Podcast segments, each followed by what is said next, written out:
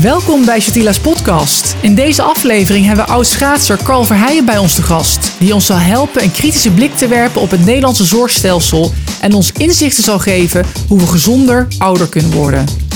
Uit recent onderzoek blijkt dat hoewel de levensverwachting in Nederland stijgt, de gezondheidsuitdagingen toenemen naarmate we ouder worden. Volgens gegevens van het CBS blijkt dat de gemiddelde levensverwachting in Nederland momenteel ongeveer 81 jaar is, maar dat slechts 65% van deze jaren als gezond wordt ervaren. Daarnaast is eenzaamheid een groeiend probleem in onze maatschappij. Het Sociaal Planbureau zegt dat ongeveer 43% van de Nederlandse volwassenen zich wel eens eenzaam voelt. Het is verontrustend om te zien dat dit niet alleen een probleem is onder ouderen, maar dus ook een toenemend probleem is onder jongvolwassenen. Deze podcast is mede mogelijk gemaakt door zwanenhof.com en gezondheid.nl. Goedemiddag. Goedemiddag, hoe is het met jou, Carl? Ja, gaat goed. Ik zit er lekker bij. Zit je er lekker bij? We zitten wel op een best wel harde kruk, maar daar kunnen we aan wennen, volgens mij. Gaat wel goed komen, denk ik. Hoe was die introductie? Was, volgens mij heb ik heel veel vergeten, want je bent natuurlijk een Olympische schaatser. Je hebt daar verschillende uh, medailles gewonnen. Brons, volgens mij. Uh, je hebt het WK goud gewonnen. Uh, je hebt EK's gespeeld, maar er is een hele waslijst die je in jouw topsportcarrière um, hebt gewonnen. Maar je hebt het ook zoveel meer gedaan na je uh, topsportcarrière. En ik vraag me af of iedereen wel weet waar je nu eigenlijk allemaal mee bezig bent. Want je maakt echt wel impact. We proberen Nederland wat gezonder te maken. Dus ik heb ooit voor het heb ik, geneeskunde gestudeerd. Ik denk, da daarmee ga ik mensen helpen en beter maken. Toen heb ik 15 jaar mijn droom mogen volgen door uh, het beste te worden in wat ik het leukst vond. En dat was schaatsen. En sinds een jaartje of twaalf ben ik nu in de zorg werkzaam. Eerst als directeur van twee gezondheidscentra in Nijkerk. Waar je echt uh, met elkaar bezig was om, om de Nijkerkers gezonder te maken. Toen twee jaar bij een stichting die meer over positieve gezondheid ging. Dus veel meer kijken naar wat er wel kan in plaats van wat er niet kan. En nu sinds een jaartje of 4,5, 5 zit ik bij de Norber Foundation. En de Norber Foundation doet twee dingen. Wij investeren in allerlei start-ups die met zorg en gezondheid te maken hebben. En ik zit aan de donatiekant. En dat betekent dat wij veel partijen ondersteunen die uh, Nederlanders uh, proberen gezonder te maken. Op welke manier heb je tot nu toe impact kunnen maken in de, binnen de gezondheidszorg? Ja, waar wij um, heel erg op focussen is dat wij um, graag meer gezondheid vanuit de preventieve kant willen zien. In Nederland hebben we een heel goed uh, reparatiemodel. Dus als je ziek bent, krijg je de beste zorg. Ik denk top drie van de wereld zitten we. Maar we hebben wel heel veel zieke mensen in Nederland. En uh, mijn drijf is altijd geweest, en dat heeft ook met mijn topsportachtergrond te maken, om te zorgen dat je niet ziek wordt of later ziek wordt. Uh, waardoor je, of minder ziek wordt, waardoor je ook minder zorgkosten met elkaar gaat maken. En op dit moment kraakt het systeem behoorlijk. Arbeidstekorten in de zorg, te grote budgetten, de toegankelijkheid staat onder druk. Dus ik denk dat er wel wat moet veranderen. En welke punten zou jij als eerste willen veranderen? Um, op dit moment zijn we heel erg gericht op het organiseren van het repareren van wat ziek is. Dus we zoeken heel goed wat er mis is. Want vaak heb je een klachtje of, of heb je iets wat, je mankeert. En dan ga je goed zoeken wat er mis is. En dat repareren we dan door een fysiotherapiebehandeling of over een operatie of een medicatie. Maar eigenlijk wil je eigenlijk ook met elkaar kijken van hoe komt het dat je ziek bent en wat zijn de oorzaken daarvan achter. Heel vaak leefstijl of woonomgeving. En kan je daar niet wat aan doen, zodat je niet ziek wordt. Dat is eigenlijk de focus die ik probeer aan te brengen. Wat mooi. Maar eigenlijk als je naar het algemene uh, stelsel kijkt die wij, die wij binnen Nederland hanteren, het gezondheidszorgstelsel, uh, kan er eigenlijk heel veel uh, nog aan gehamerd worden. Ja, we hebben een stelsel die wel een beetje op het einde zit. Uh, nogmaals, wat ik net zei, we doen het hartstikke goed. Uh, we hebben goede ziekenhuizen, hele goede doktoren. En ik denk dat ook heel veel liefde uh, bij, bij de professionals zit. Maar we moeten wel naar een iets ander systeem. En um, als ik heel even theoretisch mag uitwijken. in de 19e eeuw waren we heel erg bezig met het overleven. Toen hadden we dus heel veel infectieziektes waar mensen dood aan gingen. En toen we gelukkig het riool bedacht hadden en het antibiotica, hoefde je niet meer de focus op overleven te hebben, want dat deden we, maar gingen we kijken naar lange leven. In dat paradigma zitten we nu, dus we zijn echt ons best te doen om iets te vinden wat mis is, waardoor we langer kunnen leven. En dat doen we goed, want we zijn de laatste 30, 40 jaar, denk ik, 10 jaar ouder geworden. Dus dat is helemaal, helemaal gaaf. Ja. Alleen van die 10 jaar die we erbij gekregen hebben, zijn er wel heel veel in ongezondheid.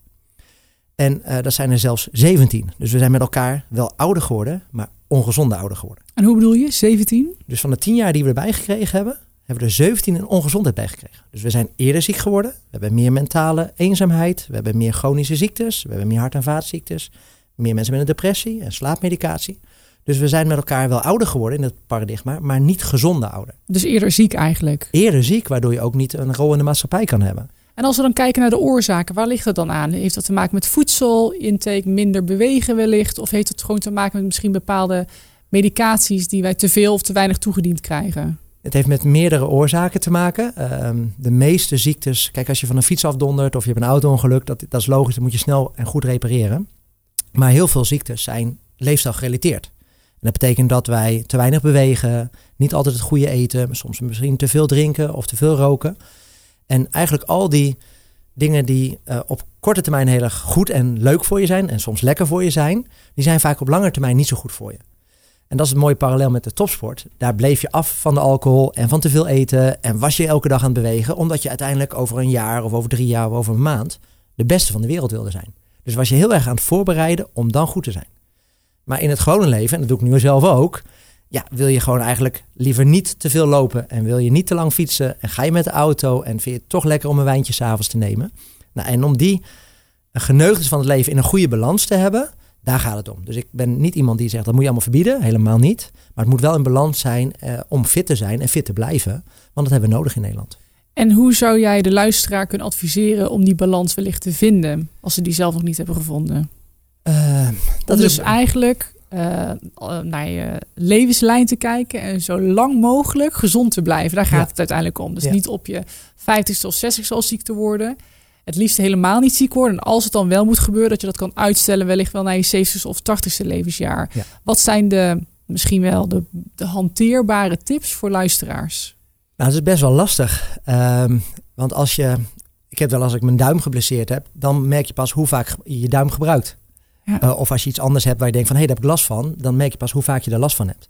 En dat geldt eigenlijk ook een beetje voor leefstijl. Dat als je niet doorhebt dat je nog niet fit genoeg bent, dan mis je het ook nog niet. En wij zijn als lichaam heel goed in staat om te compenseren. Dus als je een beetje te veel overgewicht hebt, of te iets te weinig conditie, of uh, je drinkt net iets te veel, dan kunnen we nog redelijk comp compenseren. Maar uiteindelijk kan je lichaam dat niet meer compenseren en dan word je ziek. Nou, en het is heel moeilijk, en ik denk uit de topsport hebben we geleerd te luisteren naar je lichaam, om in het gewone leven dat niet te doen. Want als je gewoon een week, weekendje te veel gedronken hebt, of te weinig geslapen, of te weinig bewogen, kan je nog steeds goed functioneren. Alleen na 7, 8 of 15 jaar, dan wordt het dus een beetje lastig om dat te doen. En de tips die ik dan daarbij hanteer is, is te kijken van, hey, heb je genoeg energie over een dag? Heb je genoeg energie om leuke dingen te doen? Heb je genoeg energie om naar je werk te gaan of in je relatie je goed te houden? Of genoeg energie om met je kinderen leuke dingen te doen? Dus, dus het is wel belangrijk dat je ja, genoeg levensenergie hebt om ook de dingen te kunnen doen die jij belangrijk vindt. En omdat je die niet meer kan doen, dan mag je bij jezelf afvragen: hey, hoe komt het dat ik dus niet meer de energie heb om die leuke dingen te doen die je ook het leven geeft? Je noemde net het tweede paradigma, maar wat bedoel je daar precies mee? En zijn er wellicht nog andere paradigma's? Met een paradigma bedoel ik eigenlijk hoe we nu kijken naar bepaalde zaken. Dus wat de sociale opvatting is, hoe we naar gezondheid en zorg kijken. En dat, die, dat bliksveld, of dat paradigma, daar had ik net van verteld, dat, zou, uh, dat zit nu op het um, lange leven. Maar eigenlijk zou dat veel meer naar kwaliteit van leven en gezonde leven moeten zijn. En dat is dus een ander blikveld of een ander paradigma waar ik heel in geloof.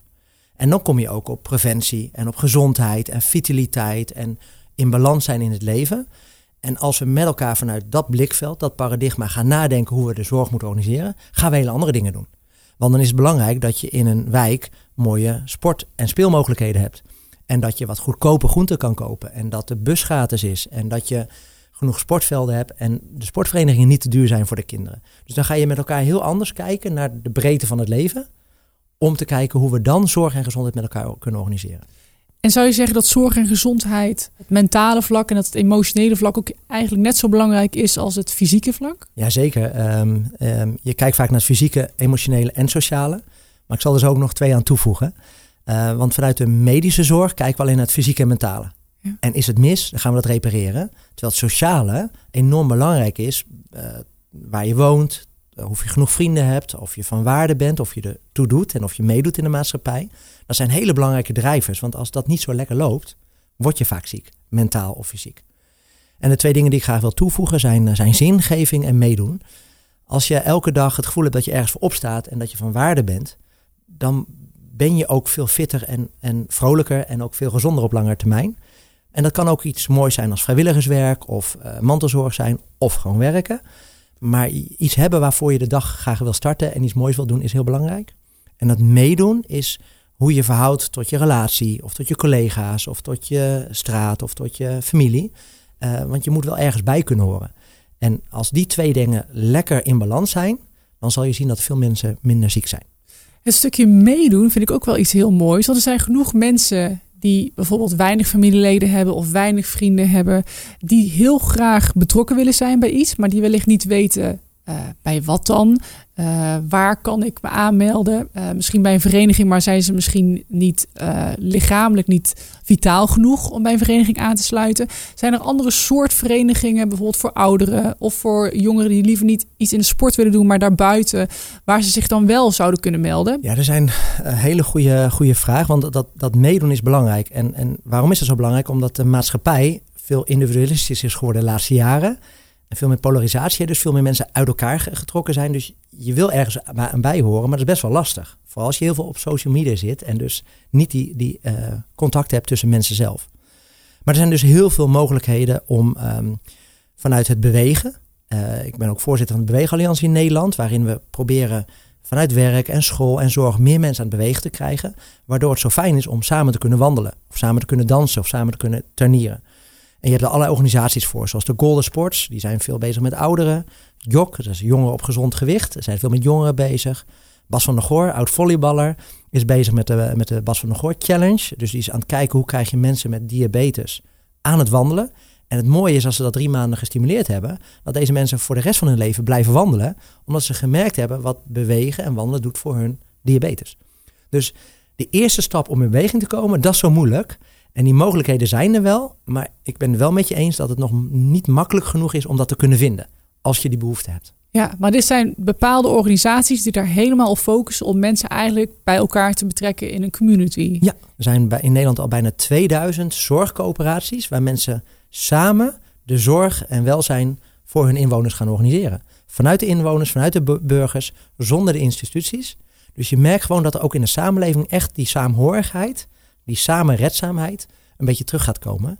En dat, dat maakt mij heel vrolijk. Ja, mij eigenlijk ook. Ja. Je hebt net uh, social media genoemd. Uh, wat natuurlijk eigenlijk ook wel een soort van een afstand creëert naar de realiteit. Uh, misschien ook wel een soort van eenzaamheid. waarbij mensen een beeld creëren. En wellicht doen we er allemaal misschien stiekem aan mee, misschien niet. Um, waarbij mensen denken dat, er eigenlijk, dat het leven altijd geweldig moet zijn. Terwijl dat in de realiteit niet altijd hoeft te zijn. Uh, wat zou je qua tip geven, behalve dat je zeker moet aanmelden bij een van de stichtingen die je net hebt genoemd? Ja, nou, zeker op mentale welzijn uh, zijn er ook veel stichtingen die daar veel voor doen. Dus je hebt uh, Mind en Mind Us, dat is een jonge organisatie waar uh, koningin Maxima ook beschermvrouw van is. Om te kijken wat eenzaamheid doet met jeugd en hoe je daaruit kan komen. Join Us is ook zo'n mooie organisatie die, die zich inzet voor de jeugd om, om beter samen te kunnen werken en samen dingen te kunnen doen. En er zijn ook best wel al grote platforma uh, met meer dan honderdduizenden uh, bezoekers, die, waarbij je kan sparren en praten over die eenzaamheid of over de druk of over de prestatiedruk die, die je ziet. En die twee websites zijn uh, Proud to be me, to met een 2, en Join Us. En er zijn nog veel meer andere sites waar je met elkaar kan, kan hebben over de, de uitdagingen in het leven. Joinus.nl? Nee, ook niet .com, maar .nu. Maar ik ben ook wel benieuwd naar jouw ervaring daarmee. Je bent gelukkig is je jonger dan ik. Van hoe zie jij dat in jouw vriendenkring? Want juist ook uh, zien wij dat niet alleen tot 18 jaar er veel eenzaamheid is, ook, maar juist ook in die generatie daarboven. Ik uh, zie het nog vrij regelmatig om me heen. Ik heb in mijn buurt, ja, ik woon vrij burgerlijk moet ik zeggen. Dus ik heb wat oudere mensen om me heen wonen, maar ook mensen van mijn generatie. En je ziet toch wel het algemeen dat de jongeren hun eigen dingetje wel doen. Uh, de ouderen vrij snel wat eenzamer zijn. Maar ik zie af en toe ook wel dat jongeren of te veel op straat zijn. Omdat ze eigenlijk vastigheid zoeken die ze eigenlijk niet kunnen vinden. En die ze wellicht mogelijk wel bij een vriendengroep kunnen zoeken. Die um, hopelijk een positieve impact op ze kan hebben. Uh, dus eigenlijk wat jij net noemt, dat soort organisaties. Ik denk dat er zeker heel veel behoefte is uh, binnen de maatschappij. Dus niet alleen bij ouderen, maar ook bij jongeren, omdat ze anders um, een fout handvat zoeken uh, op straat. Um, als je de vraag bij mij legt, zou ik zeggen: dit hoort eigenlijk bij iedereen bekend te zijn. Ja. Iedereen heeft wel momenten waar die zich eenzaam voelen. En, um, en dat is zeker niet alleen maar bij ouderen. Ja. Mooi wat je nu vertelt over die eenzaamheid en over de behoefte om ergens bij te horen. Uh, ook dat is een stukje van voorzorg en van gezondheidsdenken. Dus niet kijken van wanneer gaat het mis, wanneer ontsporen jongeren. Ja. Maar hoe kan je al communities bouwen, faciliteiten creëren in de wijk, waardoor je dus niet ontspoort uh, en dus ook gewoon uh, ja, je deel van de maatschappij gaat voelen. Ja. Dus met elkaar moeten we gaan nadenken hoe dat meer waarde krijgt, in plaats van dat we kijken wanneer het te ver is gegaan en we dat met elkaar gaan repareren. En wat doe jij nou heel specifiek, wat je kunt benoemen? Nou, die drijf om de wereld of Nederland ietsje gezonder te maken, die zit gewoon bij mij intern. En ik krijg vanuit Norber krijg ik de ruimte om te kijken hoe we verbindingen, coalities kunnen creëren om dat te doen. Wij hebben drie programma's. Uh, leefstijl. Dus we gaan kijken hoe kunnen we alle interventies neerzetten waardoor meer aandacht op die leefstijl is, waardoor je later niet ziek wordt. We hebben een tweede programma sociale gezondheid. Dus dan gaan we juist kijken naar die eenzaamheid, die sociale basis, de sociale context, dat je meedoet aan de maatschappij. En we hebben nog een ander programma, populatiegezondheid. En dat is helemaal technisch, maar dan gaan we kijken hoe kunnen we nou het systeem helpen om te veranderen. Dan kijk je naar de financiering en hoe je het organiseert en, en de machtsblokken. En ja, mijn rol is om te kijken, omdat ik vanuit gezondheid en de topsport ben opgegroeid, om in het huidige systeem die wissels om te zetten waardoor het gaat lukken. En als ik dan achterom kijk, dan heb ik denk ik best wel veel mooie dingen voor elkaar gekregen. Maar als ik vooruit kijk, denk ik, ja, er moeten nog heel veel dingen veranderen. Willen we echt naar een maatschappij waarin dit normaal gaat worden. En vanuit die drie programma's zoeken wij dus naar projecten en organisaties die letterlijk een schommel in de wijk neerzetten. Of klaverjassen voor ouderen gaan organiseren. Of met leefstijl als medicijn gaan nadenken hoe je bewegen kan inzetten in plaats van medicatie. Dus wij zelf als Norbert doen dat niet, maar wij stellen andere organisaties in staat om dat te doen. En dat doen we een beetje met onze kennis, ons netwerk en af en toe een beetje geld. En daardoor hopen we dat we langzaam naar dat nieuwe paradigma gaan. Neem jij eigenlijk je oude leven mee als topsporter naar je huidige carrière?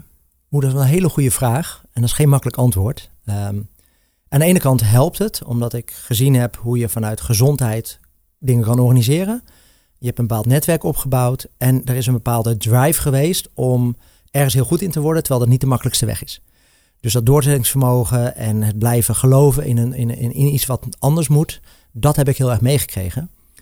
Maar ik ben natuurlijk ook 15 jaar uit die zorg geweest. Waarin anderen doorgestudeerd hebben, heel veel ervaring opgedaan hebben. Dus ik heb ook wel weer mijn positie moeten vinden daar. Dat ik een andere manier van kijken, een andere inbreng heb. Die voor anderen best wel lastig was in het begin. Want die denken, joh, die jongen die kan mooi rondjes schaatsen. Maar wat weet hij van de zorg? Of wat weet hij van preventie? Of wat weet hij van sociale uh, gezondheid? Nou, en dat is iets waar je nu, ik wat verder ben, uh, ook wel een bepaalde positie hebt verworven. Waarin je dus ook gewoon weer mee kan doen uh, in, die maatschappij. Dus het heeft zijn voordelen en zijn nadelen gehad. Uh, maar een ander groot voordeel is dat je gewoon ook hebt leren focussen en leren ontspannen. in de topsport moet je op de goede momenten het allerbeste zijn. Nou, dat kon ik gelukkig goed. Maar daaromheen moest je ook genoeg ontspannen, want anders kon je dat nooit zo lang volhouden. En hetzelfde geldt eigenlijk voor de zorg. Je moet op sommige momenten gewoon echt de focus leggen en maximale aandacht geven. Maar andere momenten moet je ook even rust nemen en afschakelen. Want anders hou ik, eh, ook ik het niet vol. Ja, een stukje balans eigenlijk zoeken in je leven. Zeker. In je sportcarrière, maar ook in je privé. En Absoluut. dat doe je dus nou in je huidige carrière. Absoluut. Ja. Mooi. Misschien ook wel het thema uh, omtrent gezondheid. Balans zoeken. Geestelijk, mentaal, fysiek. Ik denk balans zoeken om te sporten, om op te rusten, om op tijd te eten, gezond te eten. De juiste mensen om je heen creëren. Maar hoe doe je dat? Hoe want, doe je dat? Want daar zijn geen boekjes voor. Nee. Uh, dat krijg je niet echt mee. En je krijgt wel een deel in je opvoeding mee. En dat hangt er natuurlijk ook af waar je wiegje staat. Dat is ook heel oneerlijk verdeeld in Nederland en in de wereld. Maar die ervaringen, wat goed voor je is en wat bij jou het beste past. Ja, op dat levenspad wil je graag zo dicht mogelijk zitten en zo, zo, zo lang mogelijk zitten. Maar dat ma nou, de maatschappij maakt dat niet altijd makkelijk. Wat is jouw ideale wereld? Ja, de ideale wereld is natuurlijk wereldvrede. Maar als je kijkt naar de zorg en gezondheid, zou ik het heel mooi vinden als we met elkaar in een regio, in een wijk of in een stad vanuit gezondheid gaan denken en gaan handelen. En eigenlijk met elkaar zorgen dat we kijken naar het meedoen en de zingeving en, en die fysieke, sociale gezondheid. En het met elkaar gewoon doen.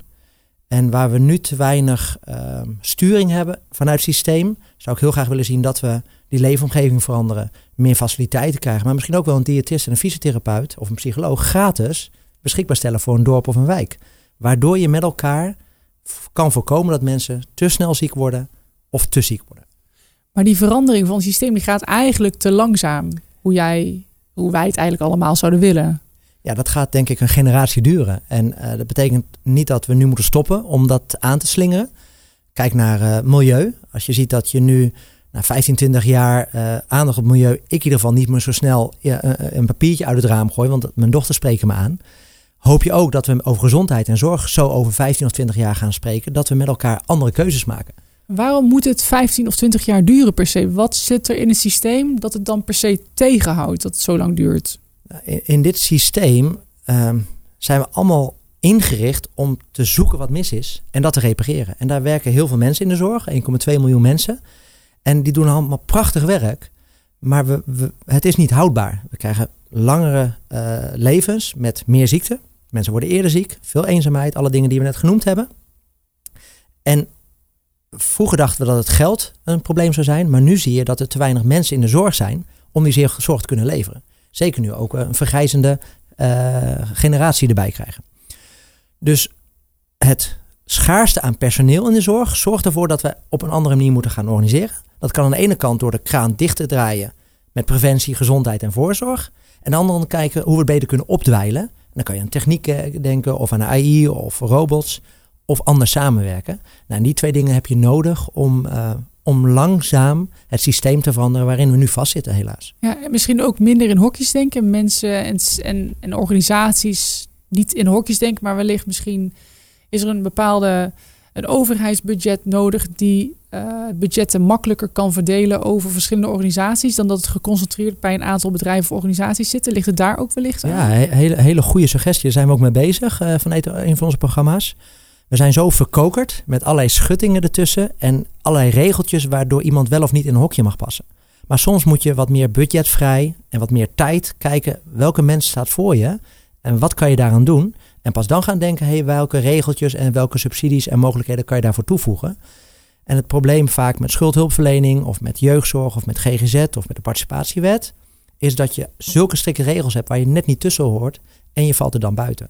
Nou, dat is een hele grote stap, maar ik word wel gelukkiger dat langzaam politici, grote zorgorganisaties, grote ziekenhuizen anders gaan denken. En dat heeft gewoon even tijd nodig voordat je het ook echt daadwerkelijk zo gaat doen. Ja. Door de hokjes heeft het wat tijd nodig, maar um, wellicht dat uiteindelijk over de loop van de jaren politici dingen in de wet kunnen veranderen ja. die gezondheidszorg voor iedereen uh, toegankelijker maakt op een snellere manier. Ja, en we hebben zulke goede gezondheidszorg op dit moment. En dat wil je graag behouden voor de toekomst. Ja. En als we een te groot stuw meer krijgen met mensen die ziek zijn, wordt dat in de toekomst lastiger. En het begint nu met bewustwording. Dat we met elkaar dit soort gesprekken kunnen hebben. Ik ben heel blij met dit gesprek vanmiddag.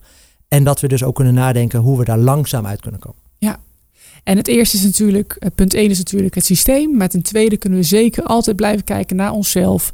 Hoe kunnen wij een gezonder leven leiden? Ja. Um, pakken we dat biertje wel of niet op vandaag? Of pakken we dat wijntje wel of niet op vandaag? Of gaan we misschien toch naar het park om onze uh, geest een soort van rust te kunnen geven? En gaan we toch misschien naar een organisatie toe om uh, die stimulans te krijgen van vriendengroepen en uh, sociale behavior daarin? Ja.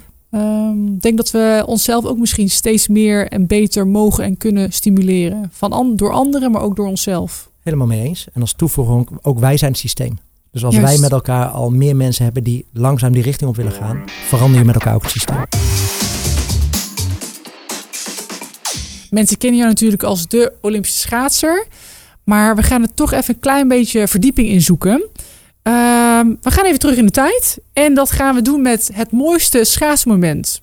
Wat is jouw mooiste schaatsmoment? Oeh, dat is een lastige vraag, want zijn mooie momenten. Kijk, aan de ene kant word je ook afgerekend op medailles. Uh, Olympische medailles of WK-medailles. Uh, maar voor mezelf heb ik wel één mooi moment. En dat was in uh, 2005, dus dat best wel lang geleden. Uh, Olympisch seizoen. Um, vier wedstrijden achter elkaar. Twee in Canada, één in Salt Lake City. Daar werd ik steeds tweede achter het wereldrecord. Achter de drie kilometer werd ik tweede achter het wereldrecord. De vijf kilometer en daarna nog een keer vijf kilometer tweede. En daarna hadden we de tien kilometer in Heerenveen. Werden er voor mij twee wereldrecords gereden. En ik zat in de ene laatste rit. En ik uh, verbrak het wereldrecord op de 10 kilometer. Wauw. In Heerenveen, vol wow. stadion, prachtige ontlading. Dus dat, dat neem ik altijd wel mee. Wauw. Als je terugkijkt naar jouw sportcarrière, wat heb jij geleerd dat jij tot nu toe nog steeds meeneemt in je dagelijks leven? Um, ja, heel veel dingen. Um, doorzettingsvermogen, omgaan met teleurstellingen, omgaan met winst, omgaan met de media. Maar ook wel uh, om heel dicht bij jezelf te blijven. Uh, vanuit je passie uh, dingen gaan doen. Vanuit je passie dingen wel of niet aanpakken en kijken wat je verder kan doen. Um, dus eigenlijk ook wel jezelf beter leren kennen en ook wel geloof of vertrouwen in jezelf hebben. Um, als ik naar jou kijk, als ik in jou denk, dan denk ik eigenlijk altijd dat je een hele mooie impact maakt, ook in, de, in jouw gebied op gezondheid, in jouw huidige carrière. Het woord zinvol leven, dat uh, komt enorm bij me op. Hoe heeft jouw topsportcarrière daaraan bijgedragen? Um, ja, misschien wel een extra compensatie gegeven. Want als topsporter ben, je, ben ik 15 jaar bezig geweest om mezelf het allerbeste te maken. Te kijken of je details kon vinden in de techniek of in de tactiek of in de kracht. Om uiteindelijk de beste versie van jezelf te worden. En toen ik stopte, toen, toen kreeg ik de ruimte om na te denken, wat wil ik dan nu toevoegen? En wat wil je nu doen? En toen kwam ik er toch achter dat ik graag uh, voor andere mensen het beter wil maken. Dus ik ben niet in de sport gebleven, niet in, in, in de commerciële wereld, maar ben weer terug naar de zorg gegaan. En ik vind het heel erg interessant om vanuit mijn andere perspectief in de zorg te kijken wat kan er anders en beter om meer, meer gezondheid te kunnen creëren. En daar, daar heb ik heel veel passie in en daar, daar, dat voelt goed. Wat is jouw drijfveer daarachter dan? Um, mijn drijfveer is sowieso dat ik veel energie heb en graag dingen wil veranderen. Uh, maar de drijfveer is ook dat ik denk dat het niet helemaal uh, rechtvaardig is verdeeld hoe gezondheidszorg en ook de zorgkosten in Nederland verdeeld zijn met elkaar. En hoe kan je dat dan op, oppakken en met elkaar gaan veranderen, waardoor we uiteindelijk meer gezondheid voor meer mensen kunnen realiseren. Terug naar jouw sportcarrière. Hoe ben je omgegaan met het vinden van balans uh, tussen jouw privéleven toen der tijd en, en jouw werk? En hoe heb je dat uiteindelijk naar je huidige leven getrokken? Ja. Nou, uh, ik ben eerst gaan studeren en toen langzaam steeds harder gaan schaatsen. En op een gegeven moment heb ik in mijn vierde jaar moeten zeggen dat ik ging stoppen met studeren, omdat het eigenlijk niet meer te combineren was. Ik denk, ja, ik wil toch een keer kijken hoe ver ik met schaatsen kan komen, want studeren kan ik later altijd nog. En ik ben heel blij met die keuze geweest. Uh, mooie tijd gehad. Um, en uiteindelijk heb je dan ook een balans moeten vinden um, tussen wel of niet studeren en die beslissing nemen. En uiteindelijk heb ik na 2002 nog mijn studie afgemaakt. En toen ik dat papiertje had, toen had ik rust en heb ik acht jaar heel hard kunnen schaatsen. Oh, mooi. Dus je had toch wel balans nodig dat je, als er wat gebeurde, je altijd een papiertje had, ja. waardoor je weer verder kon. En toen ik uh, uiteindelijk um, ja, stopte met schaatsen, kon je daar ook mee verder. En uh, heb je ook uiteindelijk daar ook wel een goede werk-privébalans uh, kunnen doen. Ja. En door het schaatsen hebben we denk ik heel erg geleerd om te focussen en te ontspannen.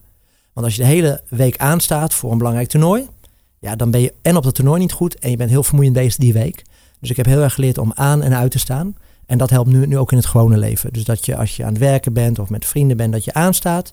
Maar dat er ook gewoon genoeg rustige momenten zijn waar ik mezelf even uit kan zetten. Waardoor je in balans blijft. Het is eigenlijk nu vooral discipline om ook die rust te pakken. Ja, omdat er gewoon heel veel dingen leuk zijn en aan wil pakken. En ondertussen heb je een gezinnetje en een sociaal leven. En vind ik het nog leuk om te sporten. Dus er zijn heel veel verlokkingen om de hele dag bezig te zijn. En af en toe is het ook gewoon belangrijk om even, even uit te staan. Ja. Je hebt heel veel successen geboekt in jouw carrière, nog steeds. Wat is voor jou de sleutel tot succes?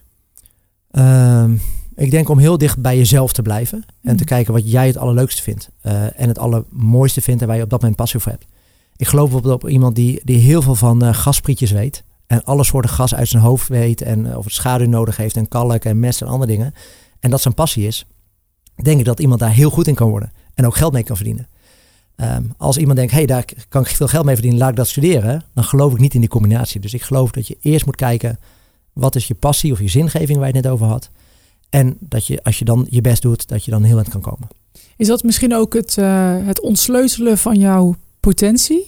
Van iemands potentie? Dus als je je passie kan vinden, dat daarin gegarandeerd je potentie zit. Omdat dat ook iets wat je leuk vindt. En misschien zonder dat je er passie voor hebt, kom je nooit zo ver dan dat je voor iets passie hebt. Is dat misschien ook wel ergens dan de sleutel van, tot succes? Ja, en, en, en hoe moet je succes dan definiëren? Hè? Ik denk dat succes ook belangrijk is dat je de dingen goed kan doen en dat je ergens bij hoort en dat je een zinvol leven hebt. Dus gelukkig bent. En gelukkig bent. Het hoeft niet per se ook een Olympische medaille te zijn of een topjob te zijn. Ik geloof juist dat als je de kans krijgt om dat bij die passie te komen, Hmm. dat je dan een gelukkig leven hebt. En dat kan op alle niveaus zijn. Ehm, en uh, de kunst in het leven is denk ik om daar zo vroeg mogelijk bij te komen. Ja. En dan te kijken of je daar uh, ja, energie in kan stoppen om, da om dat verder te ontwikkelen. En dat is best lastig in deze maatschappij. Ja, ik weet dat uh, er zijn heel veel kinderen natuurlijk heel vroeg al moeten kiezen op school wat ze, wat ze moeten, überhaupt wat ze moeten studeren om uiteindelijk in de richting te gaan waar ze naartoe willen in het leven qua werk. Er zijn natuurlijk heel veel kinderen die helemaal geen idee hebben op zo'n jonge leeftijd wat ze überhaupt willen doen. Ze hebben die passie nog niet gevonden. Wat zou jij adviseren aan een, een, een, iemand die gewoon jong is, hè, laten we zeggen 12 jaar, 14 jaar, 15 jaar, die nog geen idee heeft wat hij wil doen, maar die zou wel heel graag het advies willen volgen van ga je passie achterna. Hoe kan je die passie ontwikkelen of daarachter komen überhaupt wat het is? Ja, uh, ook goede vraag. Uh, ik heb zelf drie dochters van uh, bijna 12, 16 en 17. Wat dus, adviseer jij ze? Ja, nou, ze nemen sowieso niks van mij aan in deze leeftijd. um, maar wat wel heel mooi is, dat ik hoop dat ze de beste versie van zichzelf worden. En dat ze zichzelf kunnen worden uiteindelijk. En het is een, een best wel moeilijk systeem met veel CITO's en heel veel toetsen. Waarin je nu al in een bepaalde richting wordt gedwongen. Terwijl dat misschien wel afleidt van waar je echt goed in bent en waar je passie voor hebt. En um, de ruimte krijgen om dat te ontdekken. Uh, verschillende sporten ontwikkelen, verschillende culturele dingen doen, veel dingen ervaren. Ik denk dat je dan de kans krijgt om zo dicht mogelijk bij je passie te komen en dat te gaan volgen. Heb jij dat op een jonge leeftijd ontdekt? Nee, schaatsen? Soms, en soms weet ik het zelf nu ook nog niet. Ik weet in ieder geval wel mijn passie is om mensen te helpen en iets met gezondheidszorg te doen. Maar ik weet nou toch nog niet wat ik wil worden als ik later groot ben. Ja, oké. Okay. Um, maar dat was vroeger natuurlijk anders. Want vroeger dacht je, neem ik aan wel van... oké, okay, je ziet een schaatser ergens en je dacht... ik wil professional schaatser worden. Of ging, die, uh, ging nee, dat traject ging, niet ging zo iets anders. Dat ging oh. iets anders. Dus ik, ik wist dat ik mensen beter wilde worden. Dus ik ben geneeskunde gaan studeren... omdat het een mooie brede studie was. Maar of ik nou psychiater, uh, internist of uh, radioloog zou worden... wist ik nog niet. En langzaam maar zeker ging ik steeds harder schaatsen en beter schaatsen. En op een gegeven moment heb ik dan een keuze gemaakt... om te stoppen met studeren... terwijl ik eigenlijk binnen anderhalf jaar arts was... en de rest van je leven een goede baan heb. En ben ik gaan schaatsen... Terwijl het niet commercieel was. Ik was top 30 van Nederland. Geen idee of ik daar goed genoeg voor zou zijn. Maar toch die keuze genomen. Gelukkig door steun van mijn ouders. Maar omdat ik die keuze kon maken in het diepe, kwam ik erachter dat ik dat heel erg leuk vond en steeds beter ben geworden. En toen wilde ik natuurlijk een hele goede schaatser worden. Dus ik denk dat het belangrijker is dat je bij jezelf kijkt in plaats van dat je zegt, nou, ik wil zo'n type zijn. Hmm. En of het goed voelt. Ja. Ja. En af en toe een beslissing maken om voor iets te gaan. En af en toe ook je handen los te laten, om te, uh, iets los te laten, waardoor je handen vrij hebt om nieuwe dingen aan te pakken. Absoluut. Ja, ik weet nog één moment in de auto. Het was, uh, toen was ik denk ik acht jaar. Mijn vader was aan het rijden en mijn zus zat uh, naast op de achterbank. En uh, wij speelden allerlei sporten. Van basketbal tot zwemmen, tot kickboksen, tot judo. We deden bijna alles. We waren natuurlijk ook hartstikke jong. Heel veel energie. Er was één stelling die mijn vader zei. En die zal ik nooit meer vergeten. Hij zei: Als je in één ding goed wil worden, moet je ook voor één ding gaan en daar alles voor geven. Uh, jullie doen nog heel veel sporten. Maar als je professioneel wil gaan, dan kies je één sport. En dan train ik jullie daarin. Nou, uiteindelijk hebben we basketbal gekozen. Hij was natuurlijk ook een basketballer. Maar het concept van voor iets willen gaan en daar alles voor willen geven. En daarin jouw passie willen of kunnen zoeken. Of misschien heb je die al. Want op dat moment, ik was acht jaar. Ik wist helemaal niet of ik ik had passie voor sport. Ik, had passie voor actief zijn. Of dat op dat moment basketbal was, wist ik niet. Maar ik heb uiteindelijk de liefde voor basketbal daarin enorm gevonden. Dus soms heeft het ook zeker te maken met een beslissing maken. Vind je het leuk? Blijf je het leuk vinden en daarin gewoon voor gaan. Ja. Als je uiteindelijk iets gevonden hebt wat je hart doet lachen, dan, uh, dan heb je eigenlijk al een soort van je passie gevonden. En uh, ja, Mooi, helemaal mee moet, je er, moet je door in gaan. Ja. En als je dus daar aandacht aan blijft geven, dan groeit het ook. Ja. En dat is het gevaar van alle uitdagingen in het leven. Dat er zoveel pannetjes op het vuur staan die je graag aandacht wil geven. Ja. Dat kan niet altijd. Dus dan moet je of gefaseerd doen, of toch wat pannetjes zeggen, nu even niet. Nu even niet. Heel mooi. Hoe ga je om met het stellen van nieuwe doelen? Nu je natuurlijk uh, niet meer actief bent in de topsport, je zit in de gezondheid. Uh, maar ik neem aan als nou ja, voormalig topsporter, je blijft streven naar iets nieuws. Je hebt die nieuwe doelen weer gehaald. Uh, je hebt altijd nieuwe doelen volgens mij. Ja. Hoe ga je daarmee om? Nou, dat is toch iets anders dan met de topsport. Uh, ik blijf natuurlijk die nieuwe doelen hebben en je wil uh, ook uitdagende doelen hebben. Maar je moet wel kijken waar je invloed op hebt. Want op sommige dingen heb je invloed. Daar wil ik voor gaan, daar stop ik energie in en daar probeer ik zo goed mogelijk mijn best te doen. Kijken wat het resultaat is. Maar sommige dingen kan ik ook niet beïnvloeden. En dan kan ik alleen nog maar aangeven dat ik het graag anders zou willen zien of advies geven. Maar dan heb ik wel geleerd dat ik me daar niet of teleurgesteld door voel of te neergeslagen door laat voelen. Maar dat ik gewoon maximaal mijn best doe in wat ik kan beïnvloeden. En wat ik niet kan beïnvloeden, wil ik ook dus niet teleurgesteld in raken. Ja. En dat betekent dat is iets anders dan dat je individueel het beste van de wereld wil worden. Want dan zorg je dat je die circle of influence helemaal alles zelf kan bepalen. En nu in de zorg of in het gewone leven of als vader is het toch lastig om, om, uh, om dat helemaal zelf te kunnen bepalen. Ja, noem eens een voorbeeld.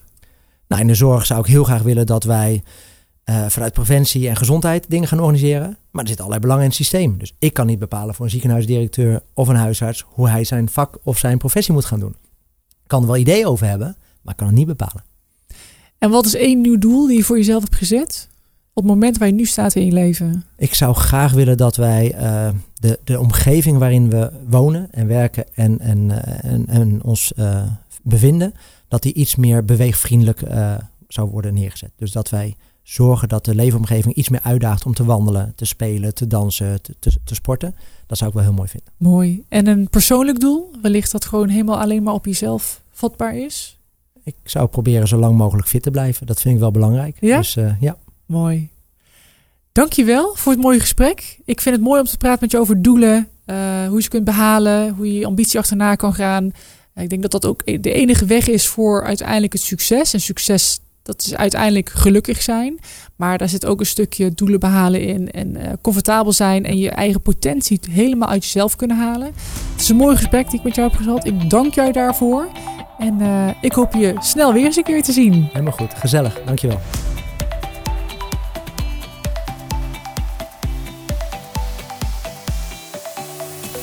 Deze podcast wordt mede mogelijk gemaakt door gezondheid.nl. Het platform met het laatste nieuws uit onze gezondheidszorg. En zwanenhof.com. Het landgoed waar zorgmedewerkers gratis kunnen onthaasten en opladen. Wil je meer weten over deze podcast of mij een bericht sturen? Ga dan naar mijn website jatinevanginswem.com.